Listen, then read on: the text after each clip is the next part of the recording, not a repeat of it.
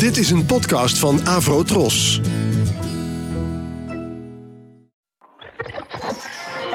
Ladies and gentlemen, The Fab Four. Fab Four. John, Paul, George, Ringo. Fab Four. Fab Four. We have for you the Fab Four. Fab Forecast.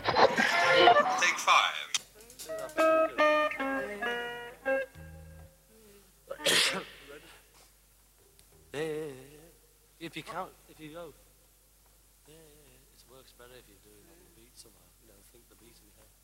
One, two, three.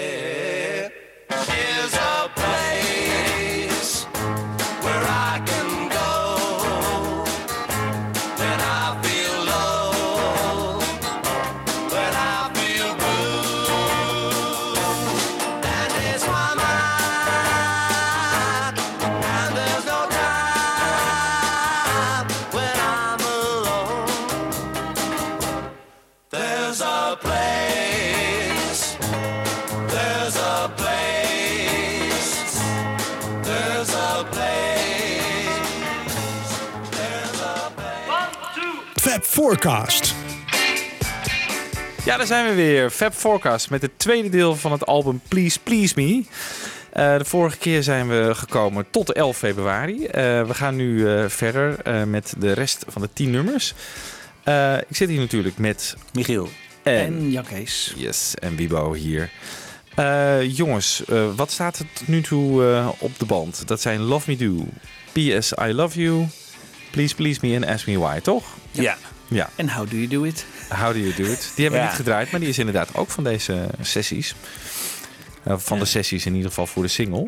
Ja. Wat mij altijd opvalt, dat ehm, Beatles hebben altijd zo'n filosofie gehad van we zetten singles niet op, de, op het album. Dat is hier met zowel de A en B kant eh, gebeurd natuurlijk op eh, Please Please Me. Ja. Ja. Maar die Maar theorie goed. hadden ze nog niet helemaal kunnen ontwikkelen. Nee, hè? die kwam pas later. Ja.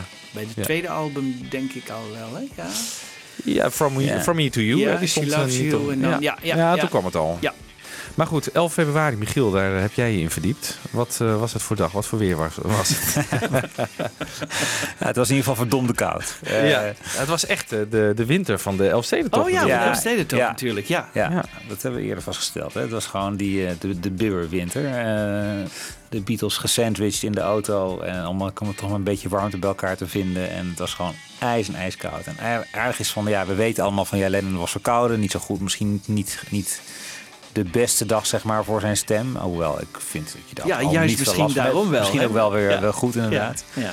Maar gewoon de- dat je een paar heel veel nummers hoor je het ook wel. Dat eigenlijk net dat hij een beetje nou, net tegen verkouden aan zit, zeg maar. Dus ehm, en we hebben op die dag eh, drie sessies, hè, want zo'n dag eh, bestaat uit, eh, uit drie opnamedelen, een ochtend, een middag en een avonddeel.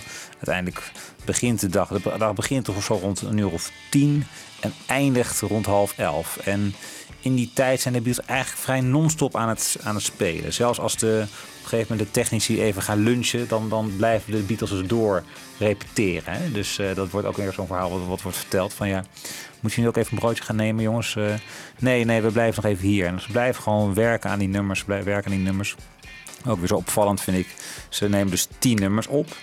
eh, wat al een enorme prestatie is. En daarnaast zit ze ook nog de hele tijd eh, nog één nummer, eh, Hold Me Tight, wordt ook op die dag opgenomen. Ja. Oh ja. Ze, daar hebben ze ook nog eh, nou ja, behoorlijk wat, eh, wat takes van opgenomen. Dat is ook allemaal op die dag nog gebeurd. Ja, Dus het is ongelooflijk. allemaal, het is ongelooflijk eh, snel gaat het allemaal. En, Maar die takes die hier zijn opgenomen zijn niet gebruikt voor With the Beatles later, toch? Dat is Nee, helemaal een nee, heropname. ja, Ja. helaas hebben we daar ook, ja, we beschikken daar niet over. Nee. Maar de dag begint met eh, een heel interessante Lennon-compositie, There's a Place. Die hoorden we eigenlijk net. eh, Ja. Ook weer gejat. Want? Het begin, nou ja, het begin van eh, het, nummer Somewhere van, eh, van Bernstein, van West Side Story. Het begint ook met There's a Place. Daar heeft hij het vandaan gehaald. En, Ja. eh, zo. Hij heeft denk ik altijd een soort begin nodig of zo. Om, om erin te komen of om een liedje te... Hè? Dus dat haalt hij dan ergens vandaan. Of een riff of een, een zin. Dat, Ja. dat zie je later ook nog bij. Hè? Eh, eh, tot, tot aan Abbey Road toe. Hij, hij, eh, Ja, ik heb ergens gehoord dat Do You Want To Know Secret ook zo'n Ja. inspiratie Ja. zou hebben uit Ja. Alice in Wonderland of Ja. zo. Ja. Zoiets, ja. Ja. Ja. Komen we nog op, Ah, jongens. komen we nog op. Komen we nog op. Oké, oké. Ja, eh, Dat zal Wiebo vertellen. Ja. ja, En dit ook- was take 5 en 6 eh, die we hier Ja, kijk, op die dag we hebben van een aantal nummers hebben we gewoon alternatieve takes. En die zijn gewoon leuk om te laten horen, te leuk om niet te laten horen.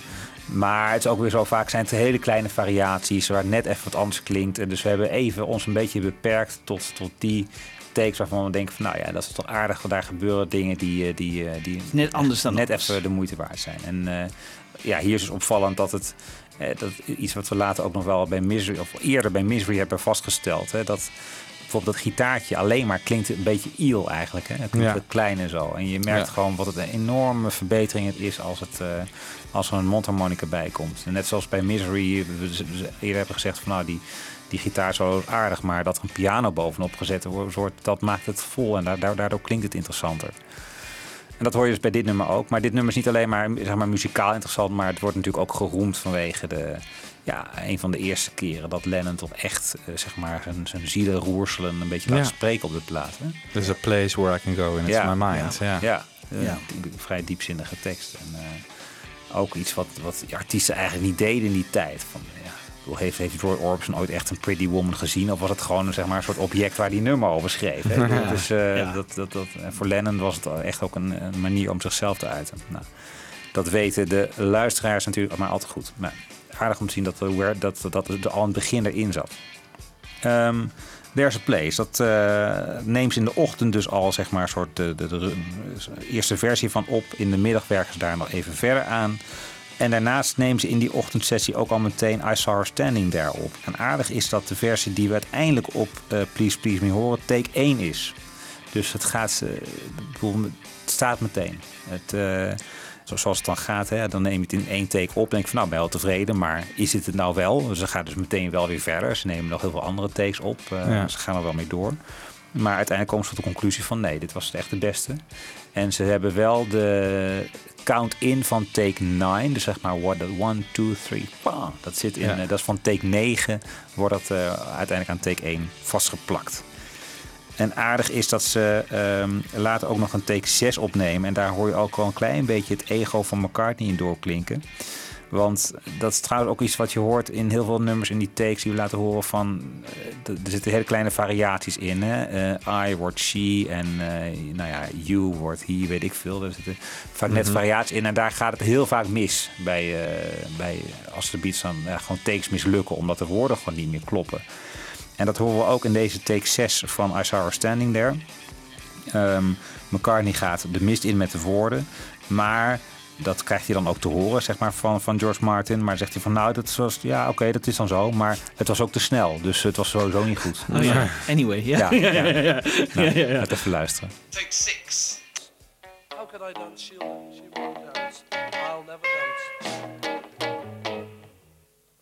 Where's the tempo? Where's the tempo? Oh, of course, no. Just boom, boom. One, two, three, four.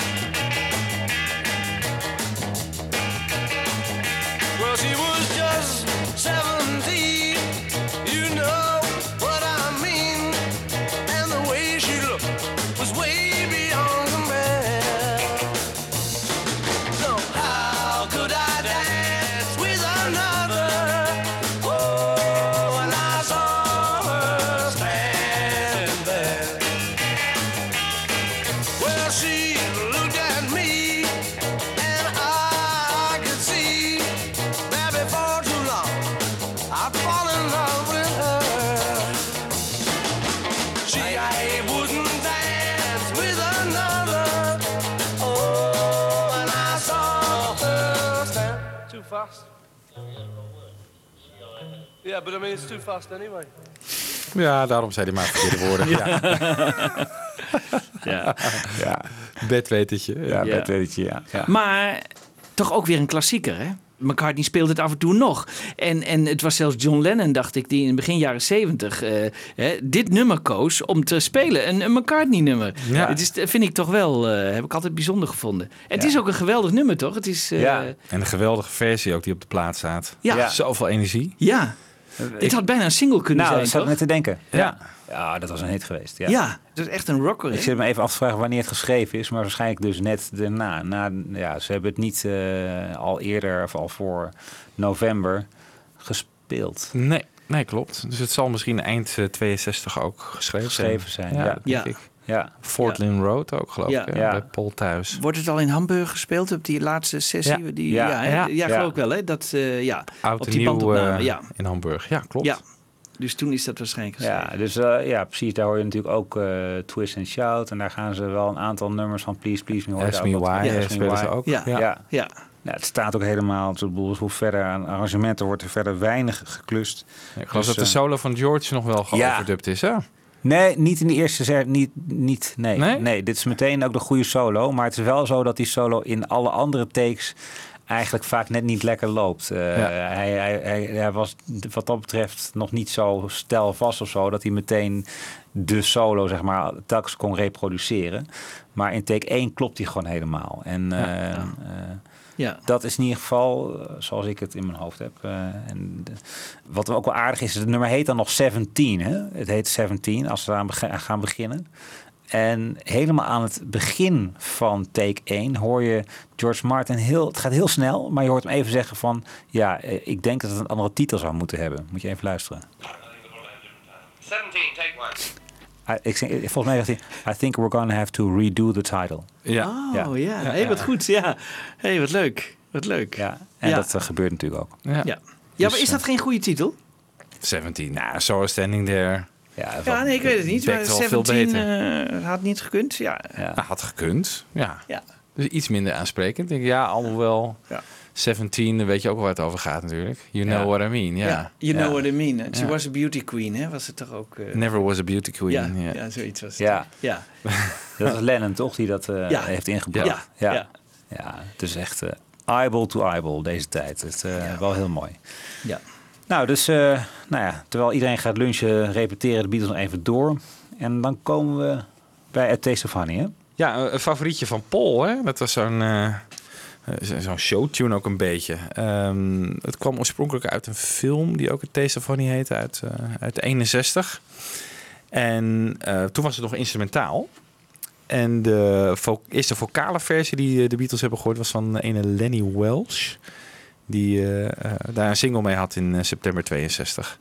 En de Beatle-versie schijnt hierop gebaseerd te zijn.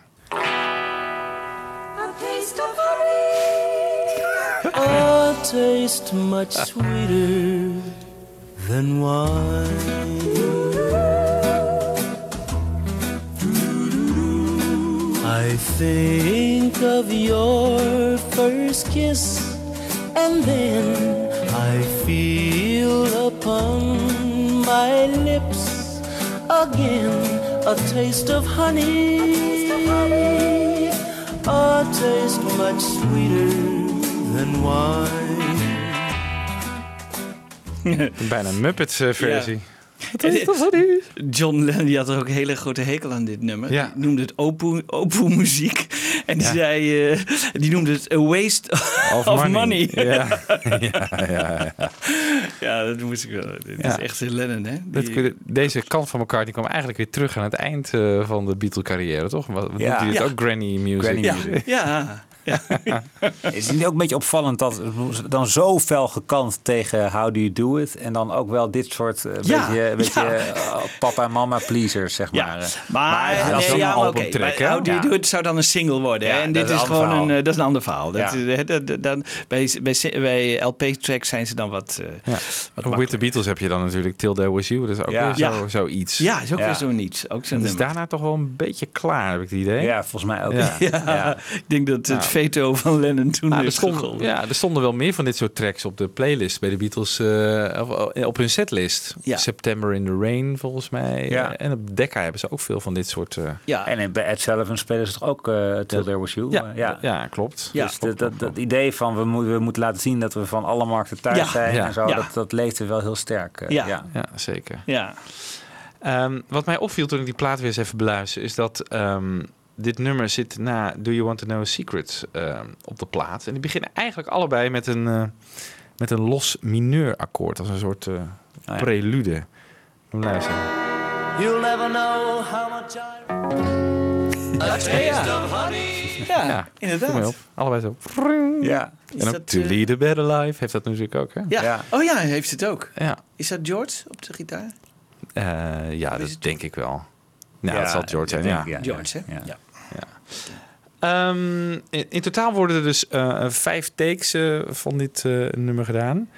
En we hebben het al in de George Martin Show behandeld. Hè? Ja. De allereerste double-tracked Double vocal eh, vocals, ja. ooit van, op een Beatle-plaat. Maar wij gaan take 6 draaien. Hoe kan het nou weer dat, dat er vijf takes zijn en dat, dan, dat we dan take 6 eh, draaien? Nou, dat is een overdub take op take 2. Eh, waarin Paul dus zijn eh, double-tracked vocal gaat doen. En in die versie is wel grappig, er zit nog geen echo eh, op de stem. Behalve op die overdub vocal die hij dan op take 6 live inzingt.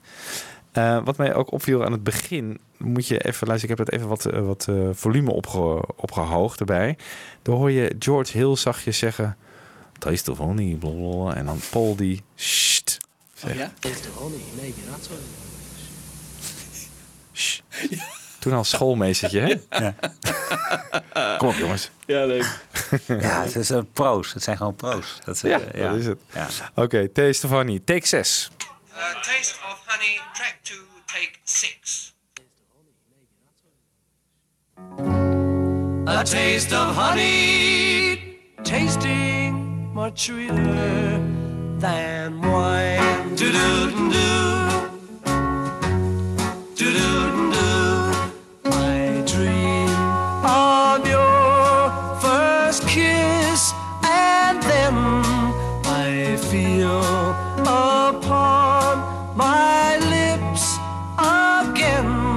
a taste of honey, a taste of honey, tasting much sweeter than wine.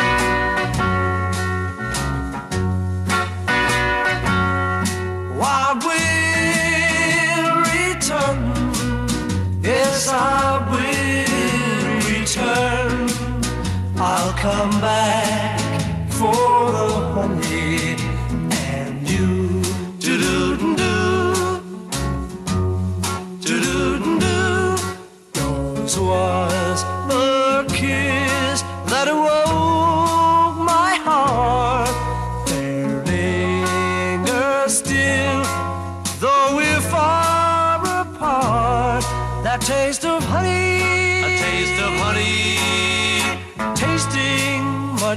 much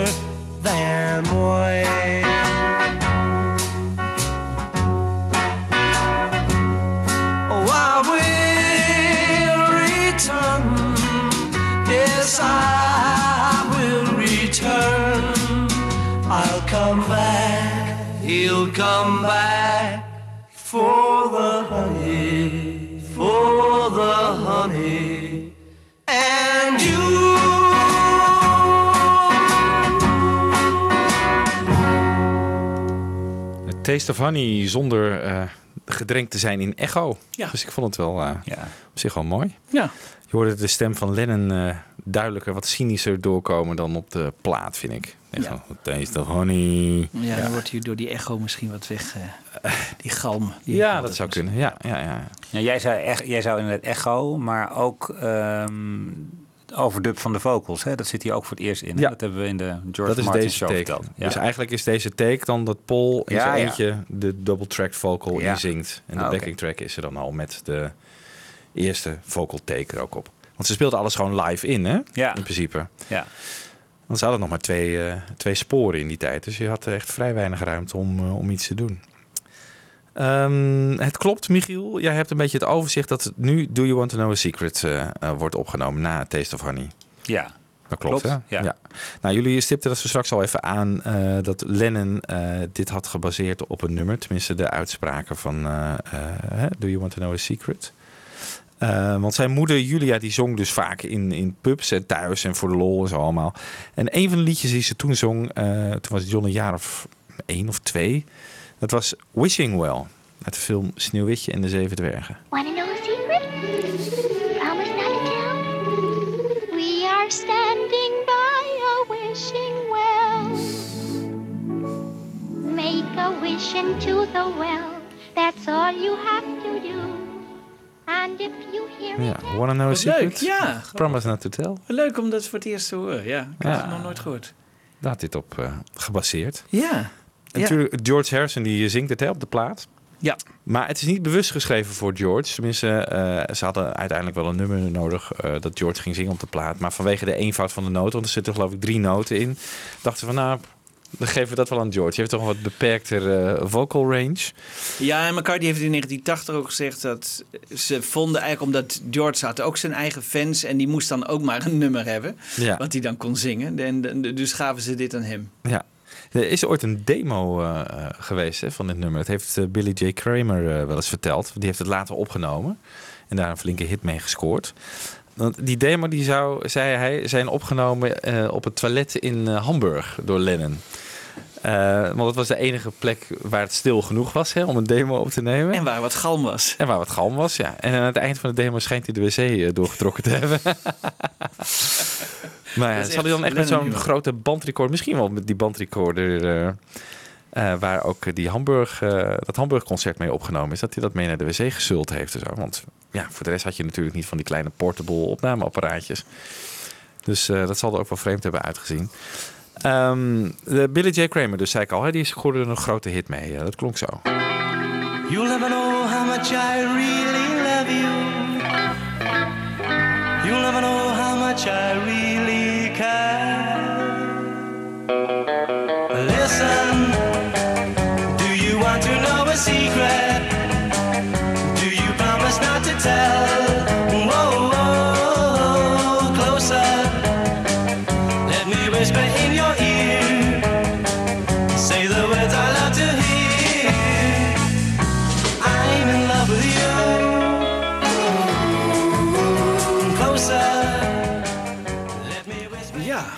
Het is Wel wat steviger, hè? Ja. Het is wat steviger, ja. Het meer echt op een single Ja, eh, sound Ja. eh, geënt. Ja. Nou, in ieder geval, ehm, dat wordt pas later eh, uitgebracht door eh, Billy J. Kramer. De Beatles nemen het dus op voor Please Please Me. Zes takes in totaal. En er komen nog wat overdubjes op. Onder andere achtergrondvocalen eh, en percussie in de bridge. Dat is door eh, twee eh, drumstokjes eh, tegen elkaar aan te slaan. Er zitten ook wat fouten in, hè? Eh, die, die erin gebleven zijn. Is dat zo? Ja, George zingt I've known a secret for the week or two. In plaats van a week or two. Dus eh, die fout. En op 1.10 en op 1 minuut 50 speelt, heeft Paul fouten in de baspartij. Ah, Dus, dat, eh, hè, dus voor de van niet fanatici onder ons, die kunnen dat is dat mij nooit even- opgevallen eerlijk Ja, gezegd. Maar goed. grappig. Ja. Leuk. Ehm, ik zei al zes takes. Eh, we gaan nu take 7 draaien. Dat is weer hetzelfde verhaal. Hè? Dat ze eh, de zesde take pakken en dan take 7 eh, noemen waar de overdubs op gaan komen. En het grappige is dat daar meer achtergrondvocalen eh, op zitten. Eh, het begint eigenlijk meteen al met eh do, ah, do aan het begin. Terwijl dat in, het, in de uitgebrachte versie pas later eh, ja. zit. En dat wordt dan weer take 8. En take 7 heeft ook nog geen echo op de vocalen. En dus wat ik zei, meer achtergrondvocalen. Dus eh, Do You Want To Know A Secret, take 7. You'll never know how much I really love you. You'll never know how much I really care.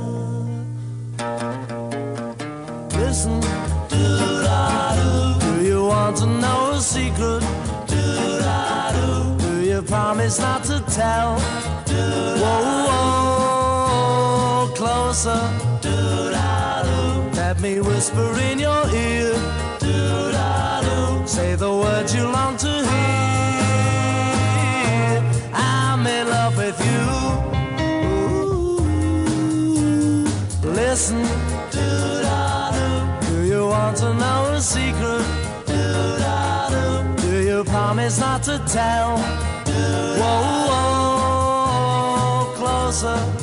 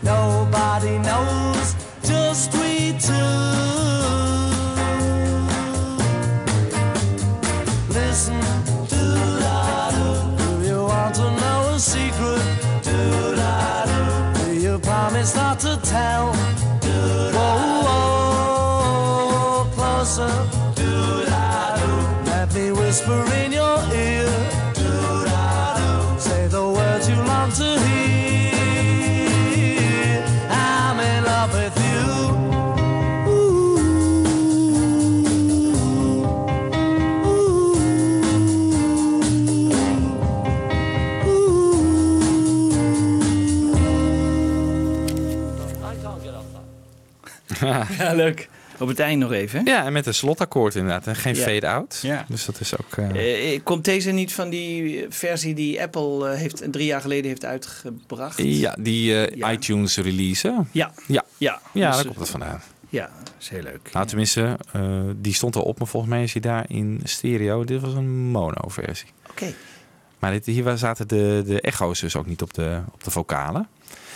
Wat eigenlijk het uiteindelijke nummer wel helpt, vind ik. Eh, want die, Ja. ja, want je hoort nu toch wel wat imperfecties in de zang ook al wel. En die worden wat verbloemd door de, de echo die eroverheen wordt eh, gegooid.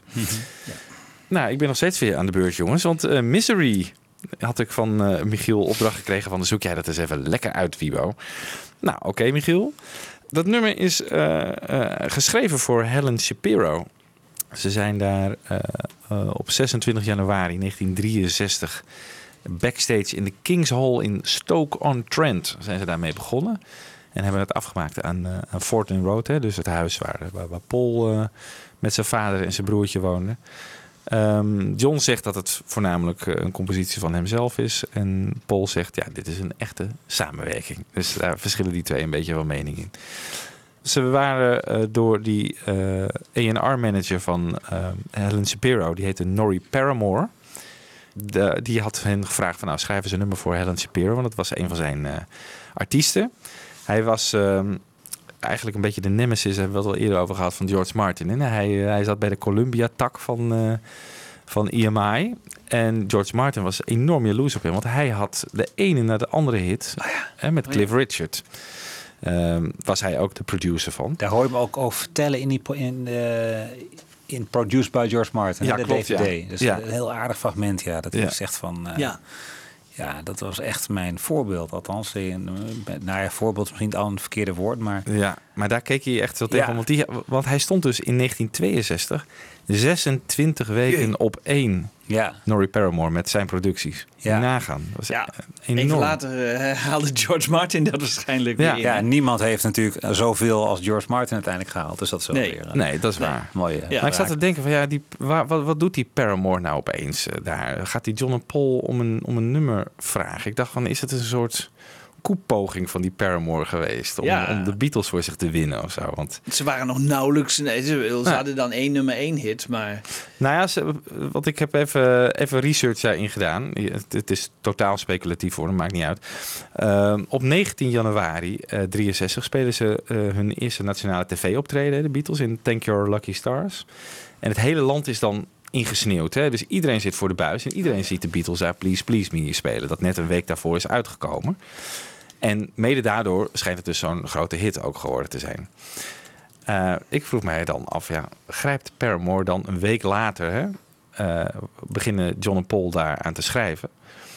Grijpt hij dan zijn kans en wil hij meesnoepen of zo van dat Beatles-succes? Hè? Want ja, George Martin en hij waren nou niet bepaald vrienden, heb ik het idee. Nee. Nee. Nou goed. eh, speculatief zei ik ook al. ehm, Helen Shapiro die heeft daar ooit een keer wat over gezegd hoe eh, zij zich eh, Misery herinnert. When we first met, the first thing that Paul, who was the spokesman at that time, said, "Oh, we, we had this song that we wrote, which we submitted for you, but uh, Nori, Nori Paramore turned it down on your behalf, and he did, uh, which was I didn't even get a chance to hear it. That was the song Misery. Um, so it was that was done on my behalf before I even had the opportunity to, to listen. Ja, dus, Ja, heeft het- dus ze zegt dus dat heeft ze gewoon, eh, Ja, nee ze- gezegd. Ja, die vond de tekst. Namens haar. Ja, die vond de teksten depri. The world is treating me bad. En zo. Nou ja, Ja. Dat, dat, past allemaal niet. Zij zaten dus op een tournee hè, met Helen Shapiro, zo'n package tour.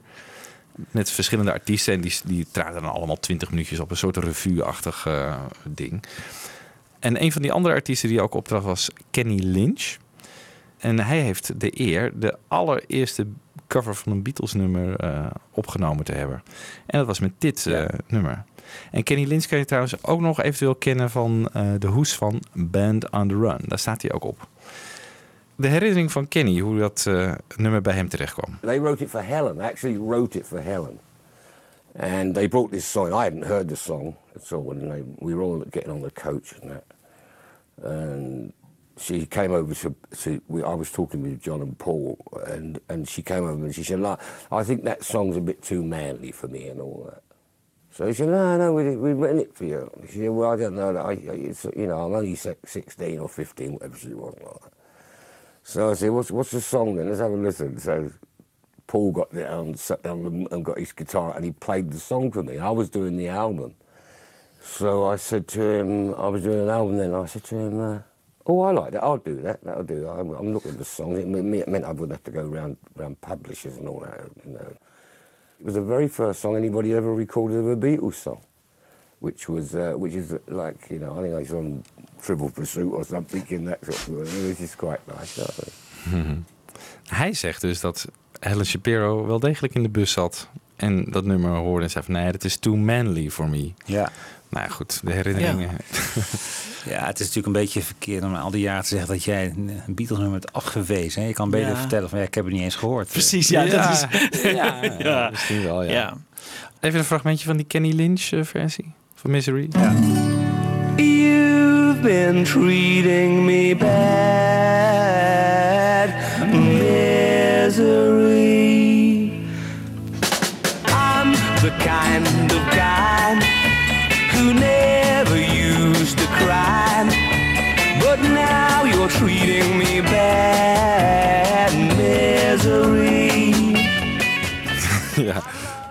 zo overdreven. Ja. Ja, Ja, de, de pathos die in het nummer zit, die haalt in ieder geval goed naar boven. ja. Overigens, eh, de, de gitaarsolo van George werd ook afgekeurd hè, door eh, George Martin. En die heeft toen een piano eh, gedeelte. Voor het eerst dat hij op halve snelheid eh, de pianosolo heeft opgenomen. En eh, op dubbele, dus eigenlijk net als In My Life. En eh, die, die heeft hij erin gezet.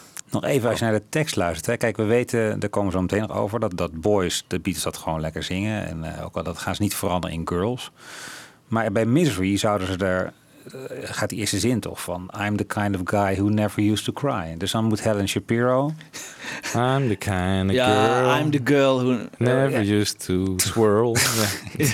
Ja, dan moet je in ieder geval even aanpassen. ja. Dus, eh, Ja, ja, girl, misschien is dat ook ja. wel een probleem. Ja, ja. Ja. Eh, we hadden het al even gehad hè, over die, eh, dat, dat loopje van ehm, eh, George Martin. Dat eerst dus zo klonk toen George Harrison het speelde. En het met de piano dus zo werd. Nou, een stuk beter toch? Ja. Ja. Ehm, Jan Kees, je zei het al even. ehm, George Martin die eh, anticipeerde al een beetje op hoe hij het wilde hebben. Want hij nam het nummer op met de tape op dubbele snelheid. Dus 30 inch per seconde in plaats van 15.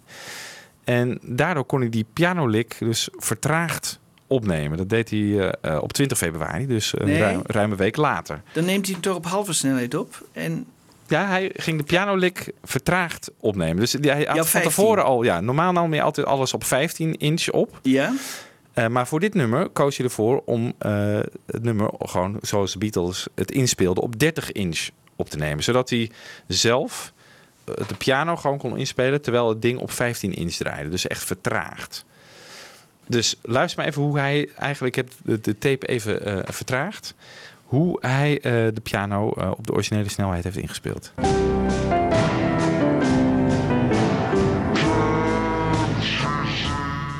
Ja, dit is dus op 15 inch opgenomen en dat wordt dan op 30 afgespeeld.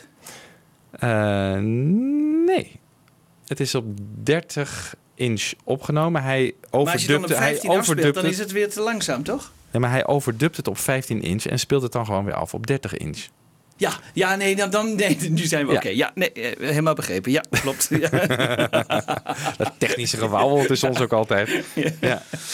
Ehm, eh, wat, mij verder ook nog opviel, ehm het is mij nooit zo opgevallen dat John en Paul dit nummer samen zingen in unisono. Jullie ooit opgevallen? Nee. Ik dacht altijd alleen dat het John was en de Paul in de harmonie van Misery, dat Ja. hij daarin zit. Ehm, we gaan zo even een, eh, een reeks takes eh, horen. Take 2, 3, 4 en 5. Even fragmentjes, um, 2,5 minuut ongeveer.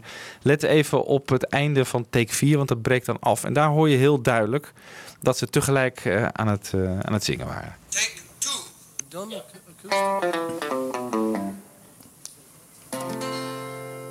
The world is treating me bad,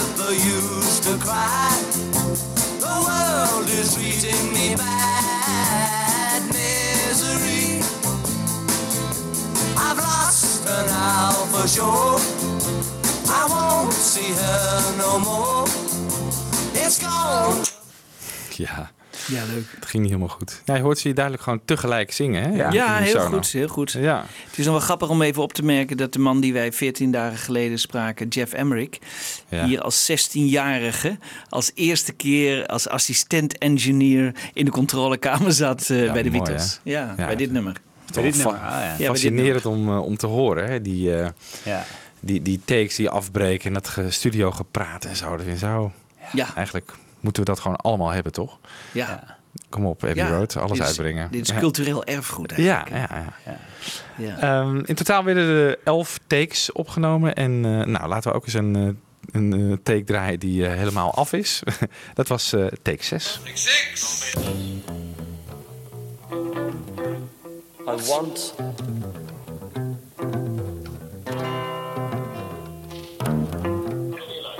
You're right, Joe. I won't see her no more. Yeah, I won't see her no more. I could see out the corner of my eye.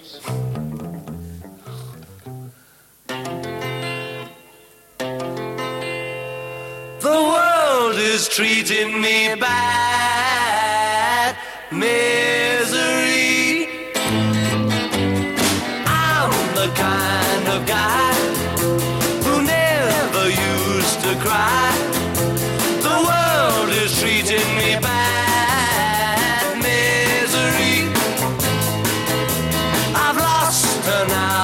Sure. I won't see her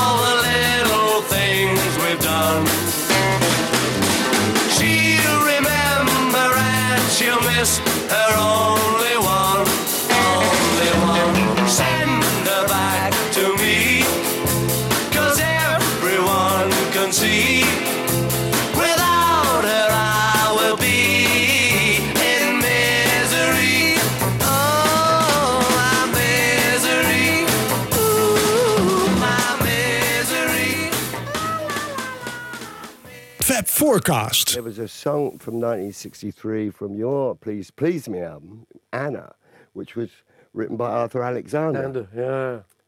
Yeah, do you mind if I play that one? No, I love it, man. There's not many people know that. If ever I meet a girl called Anna, I say, we did a song about you. Nobody ever knows the Beatles did a song called Anna. So all the Annas out there now know.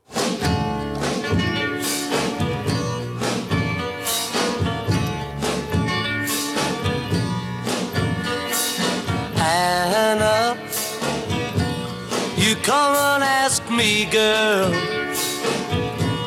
to set you free, girl. You say he loves you more than me, so I will set you free. Go with him.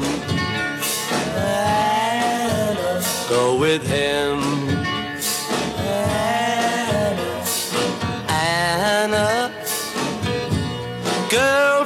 Before you go now, I want you to know now that I still love you so. But if he loves you more, go with him.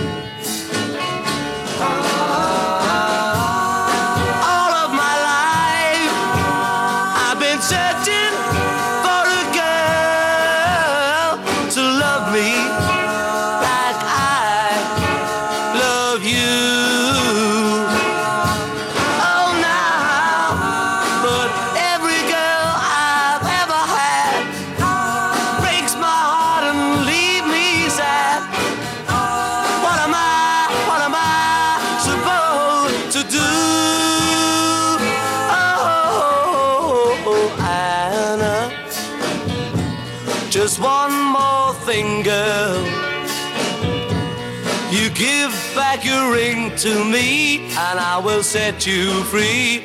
Go with him.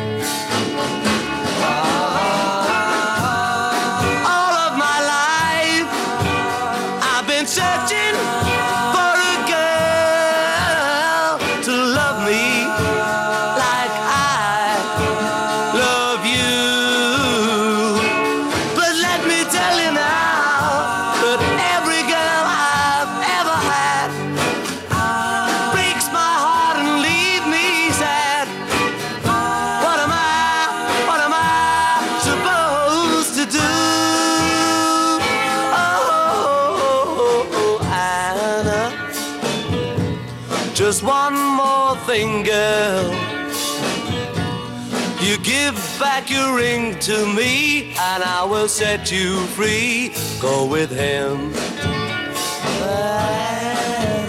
Go with him. You can go with him, girl. Go with him. Ja, Anna hoorde je. En daarvoor Misery Take 6. En eh, Anna werd even ingeleid door eh, Paul McCartney. Die eh, had je vast herkend. Zat in een radioshow van, van Ronnie Wood. Waarin hij dan zegt van... Not many people know that we did a song called Anna. Nee, behalve de hele wereld. Die eens een keer naar de Beatles luistert. Maar Ja. goed, ja. Nou ja, goed. Ehm, en je maar- hoorde de versie waar de vocals wat prominenter waren. Want we komen nu eigenlijk nog bij een paar covers. Hè? De Beatles hebben tot ja, Misery, ze hebben uiteindelijk acht Lennon McCartney posi- composities. En eh, in de avond rammen ze nog een paar covers uit. Daarbij volgens mij gewoon de gedachte van... Ja, ze hebben live spelen ze natuurlijk veel van die covers. En dat zijn nummers die ze vrij snel even eh, moeten kunnen opnemen voor de Ja. plaat. Ja. Ja, klopt, ja. En nou, trouwens, echt een fantastisch eh, nummer. Goede performance ook van de Beatles. Het was ook al heel lang onderdeel van hun live set, zoals jij net al zei. Ehm, geschreven door eh, Arthur Alexander. Het origineel. Even een fragmentje. You come in as a mean girl to set you free, girl. You say he loves you more than me. Well, I will set you free. Go with him.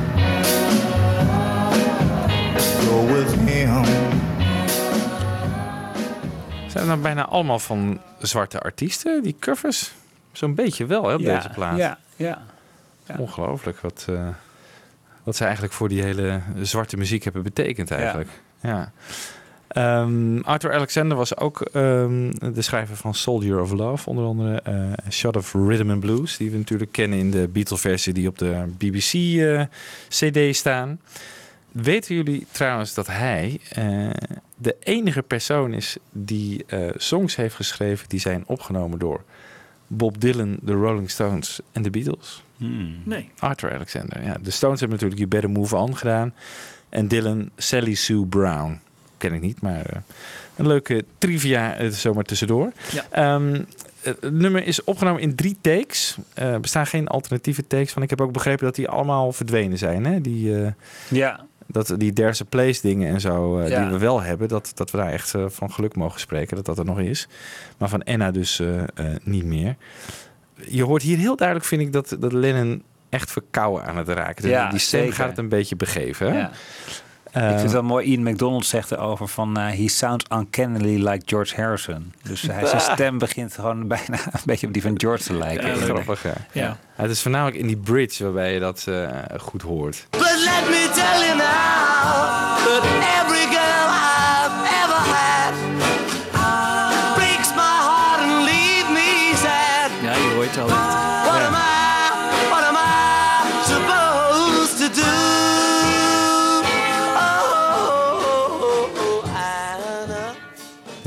De Beatles hebben dit ook wel eens ehm, gespeeld voor de BBC. Dat is op zich wel interessant om te horen. Want als Lennon nou gewoon goed bij stem was geweest, had het zo geklonken.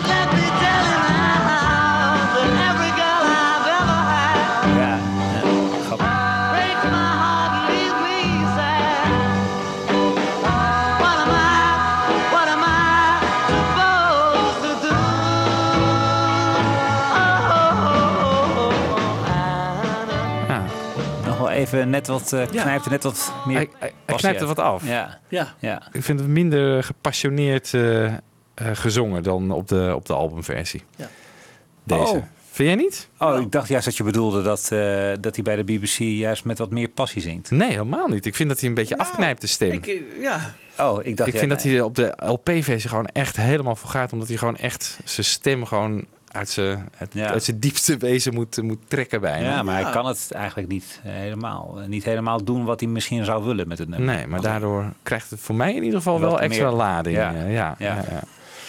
Dan, jij had het al over covers. Volgens mij staat Boys nu op het programma. Boys van de Shirelles. Hè. Dus ze hebben twee nummers van de Shirelles covers op het album.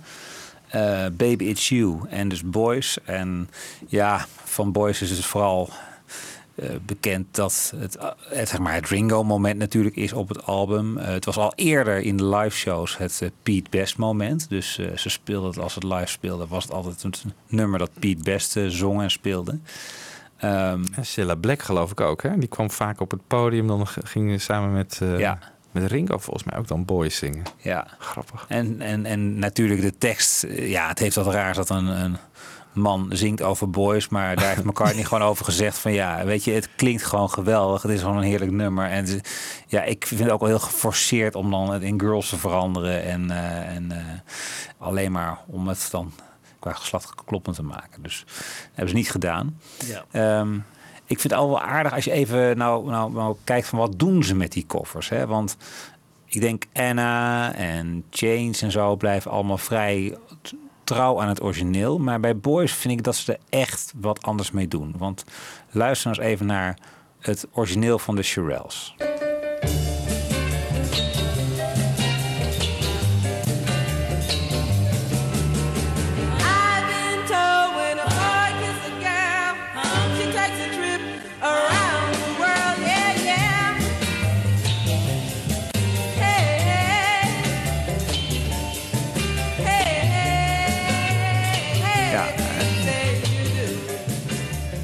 Ik bedoel, het is een beetje bossa nova-achtig. Ja. Hè? Eh, Ja. de, de drums klinken bijna een beetje als I Feel Fine, weet je wel. Met veel dat getik Ja. op, de, op de bekken en zo. Dus wat ook een zekere lichtheid aan het nummer meegeeft. Het moet, van, de beweging zit meer in de schouders dan in de heupen, zeg maar.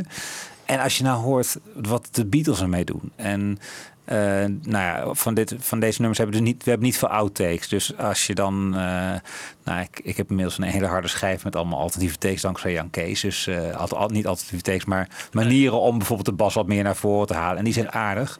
Maar ik vond op YouTube een filmpje van iemand die de baspartij, dus op een Hofner bass, speelt bovenop het nummer van de Beatles, hè, wat op de achtergrond meedraait.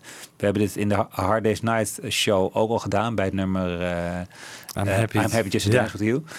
En dat, dat vind ik eigenlijk nog beter. Want dan hoor je echt goed wat er met die baspartij gebeurt. En dit vind ik ook weer zo'n baspartij. Waarvan je denkt van jeetje, wat zit hier al veel in. En wat een powerhouse is dit. En ik bedoel, het is zo'n totaal andere take van het nummer. Het rokt als een tierenlier. Het is echt... eh, nou, Dus het is eigenlijk gewoon jammer dat die bas niet, niet duidelijker naar voren komt. eh. zou je ook kunnen zeggen. Maar ik denk dat het op zich in live optredens was het altijd een echt... eh, ik bedoel, het is niet voor niks dat het nog zo lang op het repertoire heeft gestaan. Ja, het was natuurlijk gewoon ook Ringo's moment. Maar nee, ik denk dat dat bedoel ik niet zozeer. Maar meer gewoon, het is, ze maken er echt gewoon een, geven een eigen draai aan... die het nummer gewoon echt veel beter maakt. Ja. Dus wat mij betreft.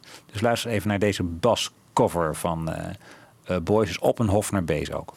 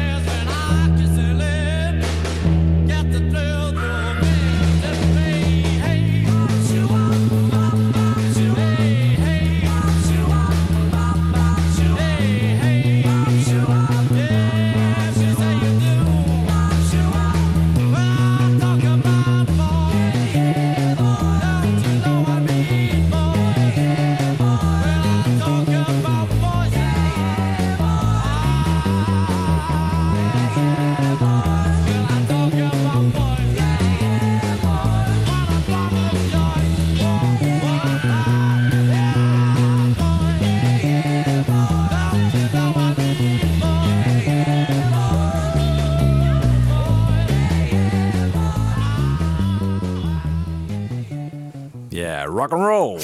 Mooi. ja. Ja, ook wel even compliment aan Ringo, die ook echt een eh, geweldige eh, vocale prestatie neerzet. wat mij Zeker. Ja, maar minder drumt. Want hij begint met 150 eh, kwartnoten, las ik onlangs.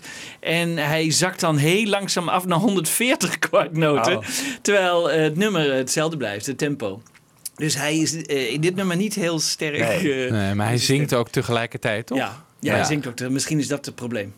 Het zou kunnen. Ja, Het zou dat kunnen. kan. Maar hij, hij zei dus eh, geweldig vocaal. En dat, dat, de prachtige baspartij, hè? Ja. Heel mooi. En dat hij Heel weer, melodisch. Ja, precies. Ja. En dat hij ook weer een- zo'n octaaf gaat zakken weer. Dat Ja. is Ja. geweldig. Hè? Ja. Dat, eh. Ja. Ik dacht ja. dat McCartney pas later echt meer op die bas, maar dat is in dit nummer Ja, ook al ook zeker. eh, heel erg, ja. Toch vind ik het jammer dat het niet iets meer te Ja, horen is. ja, op de- ben ik wel met je eens. Ja. Hè? Ja. Ze waren altijd bang hè, dat, die, dat de naald zou overslaan. Ja. Ja. Mooi, leuk. Leuk in Memphis was eh, opgenomen, dan had de bas er wel in gezeten, denk ik. Ja. Ja. Ja, dan zeker. Ja. Ja. Ja.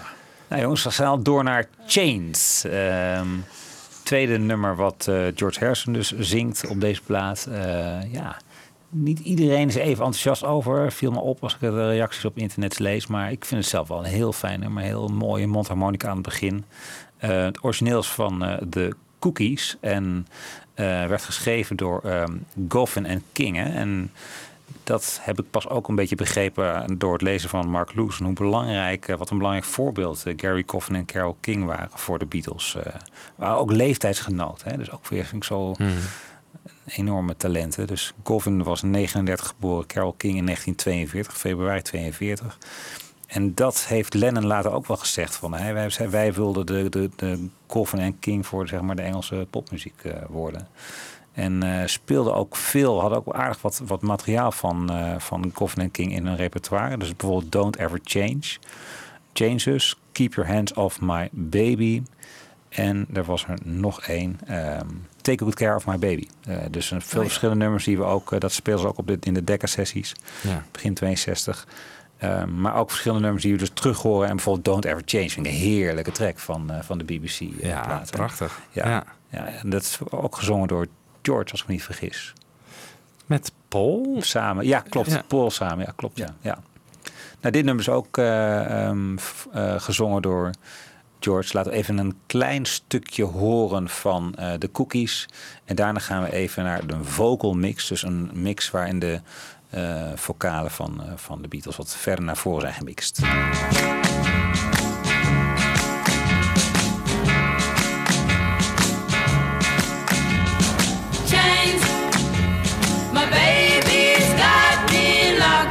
chains.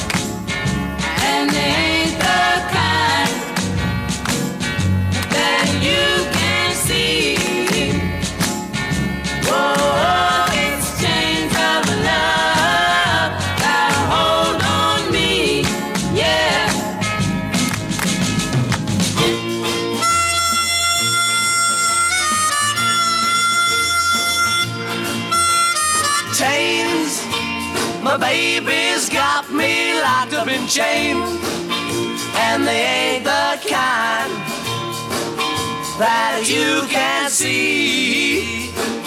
Whoa, these chains of love got a hold on me, yeah.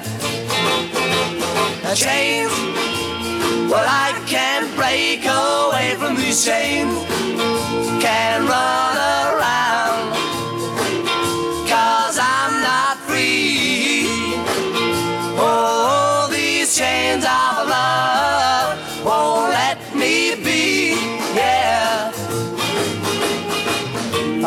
I tell you, pretty baby I think you're fine I'd like to love you, but darling, I'm imprisoned by these chains.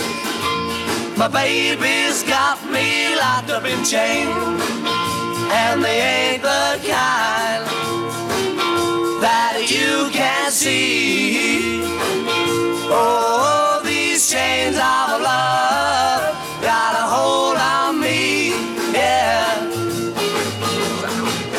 Please believe me when I tell you your lips are sweet I'd like to kiss them, but I can't break away from all of these chains. My baby's got me locked up in chains, and they ain't the kind that you can see. Oh, these chains of love got a hold on me, yeah. Chains, chains of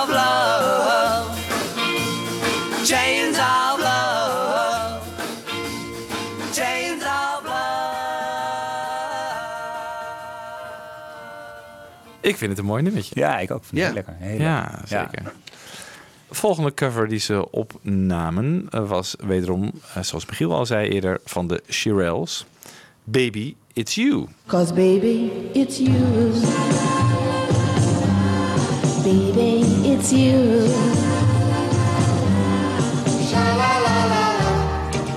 You should hear what they say about you.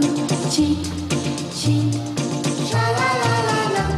They say, they say you've never, never, never been true. Veel eh, girl groups, hè? Ja. En toch ook wel heel brave versies allemaal. Waar we- Misschien daar, zagen ze daar de uitdaging wel van in of zo. Van, nou, laten we dit... eh dit zit qua songstructuur wel goed in elkaar. Ja. Laten we er eens even lekker een rockversie van maken.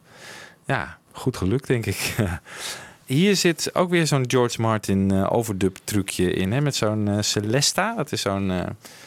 ja, eh, wat is het, eh, Jan Kees? Weet je dat? Een, een Bepaald instrument? Ja, het is een Eh, soort or- orgelachtig of een piano-achtig eh Ja. klaversymbol, weet Hebben ik we veel. ook niet gezien bij de Analogs? De Celesta? Ja, ik dat weet ik niet. Ja, oké. goed. Nou, dat hij genoemd werd. Hij wordt in ieder geval in Baby It's You op dit punt gebruikt.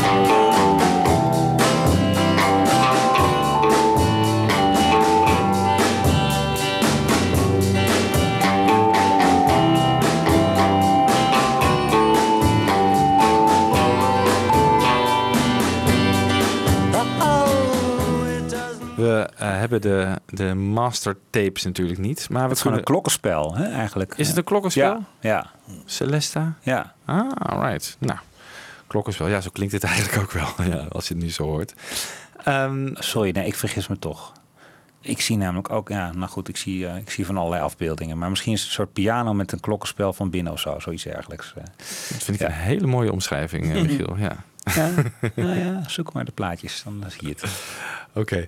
Ehm, wat ik al zei, de, de mastertapes hebben we natuurlijk niet. Dus we weten niet hoe het kaal klonk, zoals we het eh, bij Misery eh, wel eh, hebben. Maar er is natuurlijk een BBC-versie. En dan kun je horen hoe het zonder die Celesta klinkt.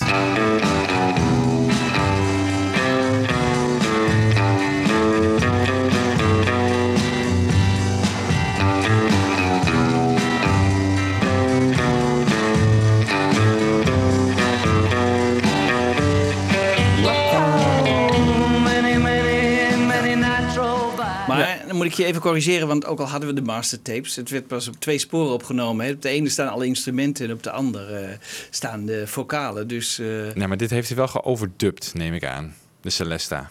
Dus we zouden, als we track 1 hadden gehad met alles eh, erop en eraan... dat zou kunnen, dat zou kunnen. Dat Dan zou zouden we kunnen, ik kunnen horen hoe het zonder ja, Celesta nee, was dan- geweest. Nee, daar heb je weer gelijk in. Ja. Nou goed, die tapes bestaan niet. Nee. Er zijn dus geen alternatieve takes van. Nou, eh, wij draaien de uitgebrachte versie dan ook maar. Maar er zit wel een leuk foefje aan het eind, want er zit geen fade-out aan. Dus kunnen we hem draaien als alternatieve versie. Baby, it's you. Zonder fade-out.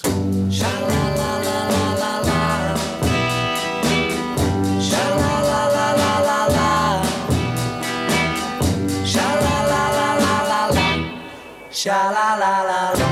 It's not the way you smile that touched my heart.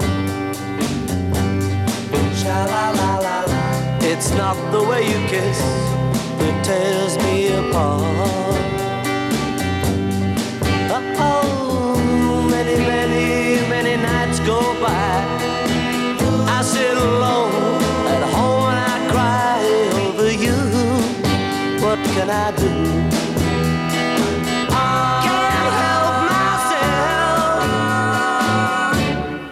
Baby, it's you. Baby, it's you. You should hear what they say about you. Cheat, cheat. They say, they say you never, never, never, ever been true. Cheat, cheat. Oh, it doesn't matter what they say. I know I'm gonna love you any old way. What can I do? And it's true.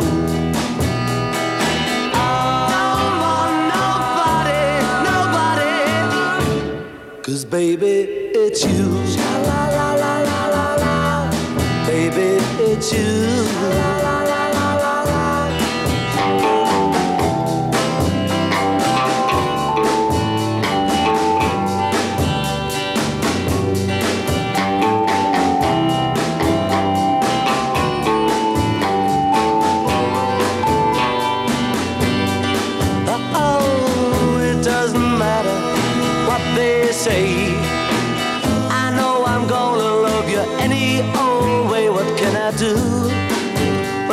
true?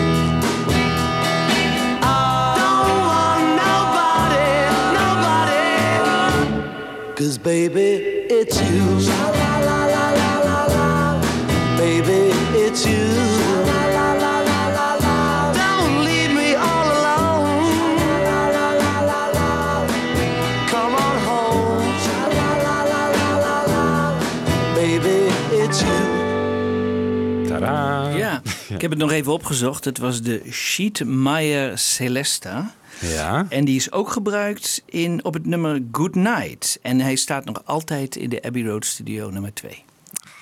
Dus nu weten we alles ervan. Heel goed.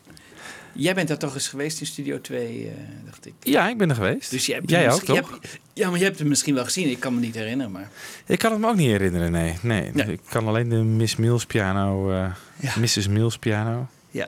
En nog wat andere piano's. Maar eh, ja, misschien dat hij in de, in de kast daar onder die trap stond. Dat kan. Dat kan. Eh, het laatste nummer. En wat voor een? Michiel. Ja, dat grappige is dat aan het begin van de dag nog helemaal niet vaststond dat ze dit nummer met dit, dit nummer zouden eindigen. hè. Dus ze zijn even eh, nog apart gaan zitten, even nog even één keer voor een kopje thee eh, zich even teruggetrokken. En volgens mij zelfs op dat moment is het idee ontstaan van, nou ja, we, we moeten gaan afsluiten met een, nou dat was in ieder geval het idee van George Martin, met een nummer dat echt staat als een huis. En zodat we het album gewoon goed kunnen afsluiten. En echt een waardige afsluit van het album. En daar is kennelijk het idee ontstaan om Twist and Shout eh, eh, daarvoor te kiezen. Het stond al wel enige tijd al op het live repertoire van de Beatles. Hè. Al in 1962 hebben ze het eh, verschillende keren gespeeld. En daar eh, ja, eh, ontstaat natuurlijk het idee van... nou, we gaan dat nummer, nummer zingen. Maar ook- wel met zich realiserend dat de stem van Lennon het niet veel verder gaat uithouden. Dus het zou er heel snel op moeten komen staan. Ze kunnen zich niet permitteren om er een negen takes van te maken. Uiteindelijk nemen ze twee keer op, hè? twee volledige takes. Heel jammer, maar we hebben dus ook daarvan weer eh, niet, niet de tweede take. Nee, die bestaat wel, maar die... Ja? Ja, die bestaat wel. Ja. Oké, dus is niet gewist. Nee, die is niet gewist. Oké. Nee. Ja, nou, dat, zou, dat zou ik heel leuk vinden om die ook een keer te horen. Maar goed. eh, Zal zijn stem nog wel meer aan gort geklonken hebben. ja, ja. Maar ja. ik geloof ook maar gedeeltelijk, hè, dat hij niet helemaal erop staat. Dus, eh, Oké. Ja. Ja, Tenminste, hij is, wel, maar hij is maar gedeeltelijk gespeeld of zoiets. Was Ja. Ah, Oké, En toen dachten ze van nou laten we toch maar take 1 eh, gewoon nemen. Ja, zoiets. Ja, zoiets. John speelde overigens, of zong dat met ontbloot bovenlijf Ja, dat, dat vind in ik, de studio. Ja, ik vind dat zo apart. Ik heb het inderdaad, dat was een vraag die ik jullie wilde stellen. Dat lees je dus ergens. Hè? Ja. Trip to the Waste lees je overal. En dan, ja, waarom zou hij zich in vredesnaam, als hij al zo verkouden is, ook nog al zijn kleren uit gaan trekken? Misschien omdat hij transpireerde of dat hij eh, koorts had. Of, eh, hè? Dat kan ik me nog voorstellen. Maar Nou, het is volgens mij die Chris Neal, die technicus. Die heeft het Nee, volgens mij een keer gezegd. Strip Nee, Richard. Langham. Oh, Ja. Oh ja. ja, en die zei, heeft het aan Jeff Emmerich verteld. Want Ja. Jeff Emmerich was hier niet meer bij. eh. Nee, dat denk even kijken. nee, die moest naar bed. Die was 16. Ja, ja. die was 16. Die Ja, want moest hoe, laat is het nu eigenlijk? Ja, het is laat, hè? Ja, het is half elf. Dus het half elf. Ja, je ligt in bed, ja. Ja. Handjes boven de deken. Ja. Ja. ja. Nou ja, goed. Het is een nummer geschreven door Phil Medley en Burt Russell.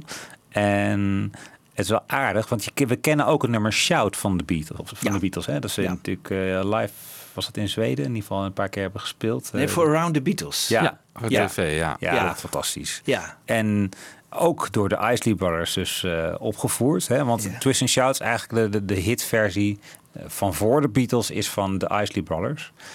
En zij had het nummer Shout geschreven, ge- voor- al, al, al eerder opgenomen. En toen hebben dus uh, Maddie en Russell gedacht van nou, we moeten, we moeten iets hebben wat daarop voortborduurt.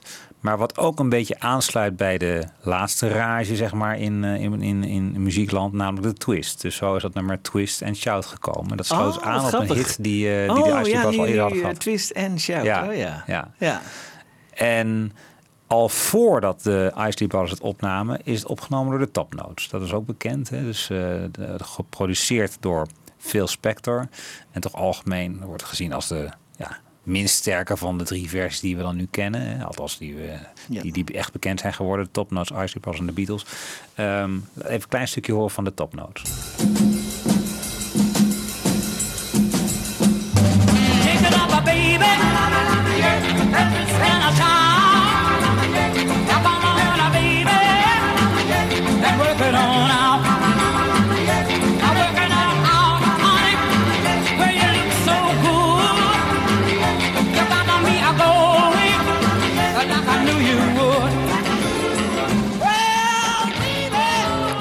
Heel veel Ja. blazers zitten erin, heel druk. Het nummer heette ook eerst Shake It Up Baby. En daar beginnen ze ook mee, hè? Maar en eh, later is het veranderd in Twist and Shout. Ja. Nou, het arrangement van de Isley Brothers ligt eigenlijk een beetje ook aan de basis van de versie van de Beatles. Maar de Beatles doen nog wel iets bijzonders mee. Want eh, in ieder geval wat ze lenen uit deze versie van de Isley Brothers is de bass riff eigenlijk. Hè? Of er zit een bepaalde baspartij in.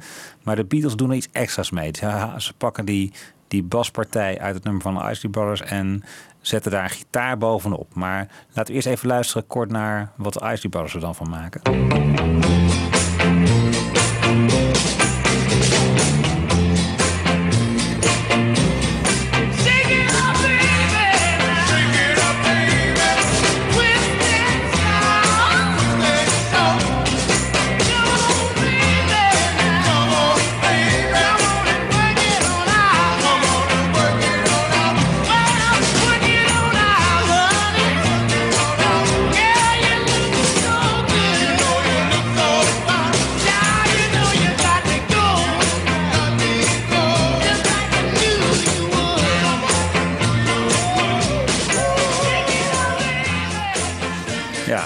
Zit dat, eh toet, toet, toet, toet, weet je, dat, Ja. eh, die, riff. Dat is wat de Beatles er eigenlijk uitpikken. En eh, ze, zetten er een, eigen- ze versterken dat effect doordat eh, ze de gitaar die riff ook laten herhalen. En eigenlijk door het hele nummer laten terugkomen. En ik denk dat ook in de opbouw, zeg maar, die crescendo's die erin zitten. Daarvan vraag ik me af of dat ook al zo sterk in die Isley Brothers versie zit. Dat staat me niet bij. Dus dat, maar dat maakt het natuurlijk een nummer natuurlijk wel ontzettend Ja. ja. opwindend. Zeker. Ja. Dus, eh, Maar wat ik tot nu toe heb gehoord, ik vind de Beatles nog altijd de sterkste, hè? Ja, absoluut. Ja, Toch? ja en, dat, en dat vind ik wel knap. Ik Ja. bedoel, ze hebben het toch helemaal eigen gemaakt. Helemaal, en, ja. eh, en, en er iets aan toegevoegd, waardoor het... eh, smaakt ook sneller. Het heeft Ja. veel meer drive. En ja. Maar goed, wat het nummer uiteindelijk natuurlijk helemaal maakt, is Lennon. Maar ook Lennon, zeg maar, de, de, wisselwerking tussen Lennon en, en, en, en McCartney en Harrison. ja. Ja, beslist. De achtergrond eh, Ja. response vocalen. ja, precies. Wat het natuurlijk ook live zo opbindend maakt. Heel vaak eh, ook eh, live gespeeld. Hè? Dus de, het werd een soort traditional, ook voor de Beatles. Hè? Dus, Ja. Heel veel mensen weten ook vaak, denk ik, niet dat dat een, eh, een, een nummer van anderen is. Want het is, de, de Beatles hebben zich dat zo eigen gemaakt. Ja. Ja, Het is geloof ik ook in de jaren tachtig in Ferris Bueller Ja. eh, Ja. gebruikt, hè, die Ja. film. Ja. Daardoor heeft het een soort tweede leven Oh, oké. gekregen. Ja. ja. Ja. En ze openden volgens mij ook eh Shea Stadium en zo. Die tour van 65 ook nog gewoon met dit nummer. ja. Dus eh, ze hebben het lang, lang gespeeld. Ja. Ja, natuurlijk. Ja. Kijk, ze konden al hun gimmicks kwijt, hè, met de schuddende Oh, ja. hoofden en eh, Ja. woe, Ja. en Ja, alles, ja. alles zat erin Ja, eigenlijk. Dus, vocaal, eh, ja, inderdaad, alles ja. zat erin. ja. Ja, heel mooi. En de Royal Variety is natuurlijk ook een heel bekende geworden. Dus, eh, En dan dat ze pas dus op de avond zelf hebben besloten dat dit het nummer Ja. wordt weer dat wat zou besluiten. hè? Dat, is, Ja. dat is heel opvallend, ja. Nou het- goed. Hij staat erop. De Hij plaat. staat erop, jongens. Ja. Pff, Het heeft eh, ook ons even wat, eh, wat minder lang, maar toch. eh, Tien takes voordat we het eh, Ja. erop kregen. Nee, Nee, het was eh, leuk om het album even door te nemen zo. En, ehm, nou, Ja. Ja, we hebben toch weer veel geleerd. eh dank je, Michiel. Nou ja, dank je Wibo, dank je Jan Kees, dank voor uw inbreng. Ja. Ehm, we gaan even afsluiten met een, eh, ja, een versie van Twist and Shouts... waarin de vocals wat eh, verder naar voren zijn gehaald... eh, om ook even ja, Daarvan te genieten. Credit, credit te geven. Dus eh, jongens, ehm, Tot de volgende bedankt en keer. tot de volgende keer. Well, shake it up, baby, now. Shake it up, baby. Twist and shout. Twist and shout. Come on, come on, come on,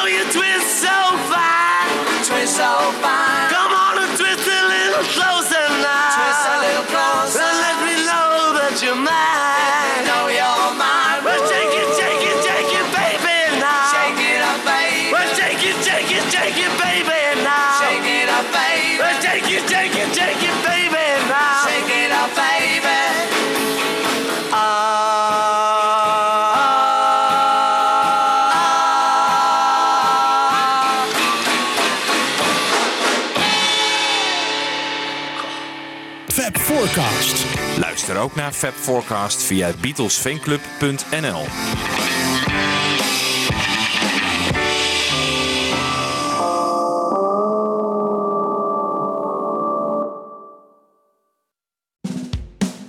Dit was een podcast van Avro Tros. Wij maken tientallen podcasts per week. Van klassiek tot pop, van actueel tot archief, van reguliere radioshows tot speciaal voor podcast gemaakte programma's. Kijk voor meer podcasts op avrotros.nl.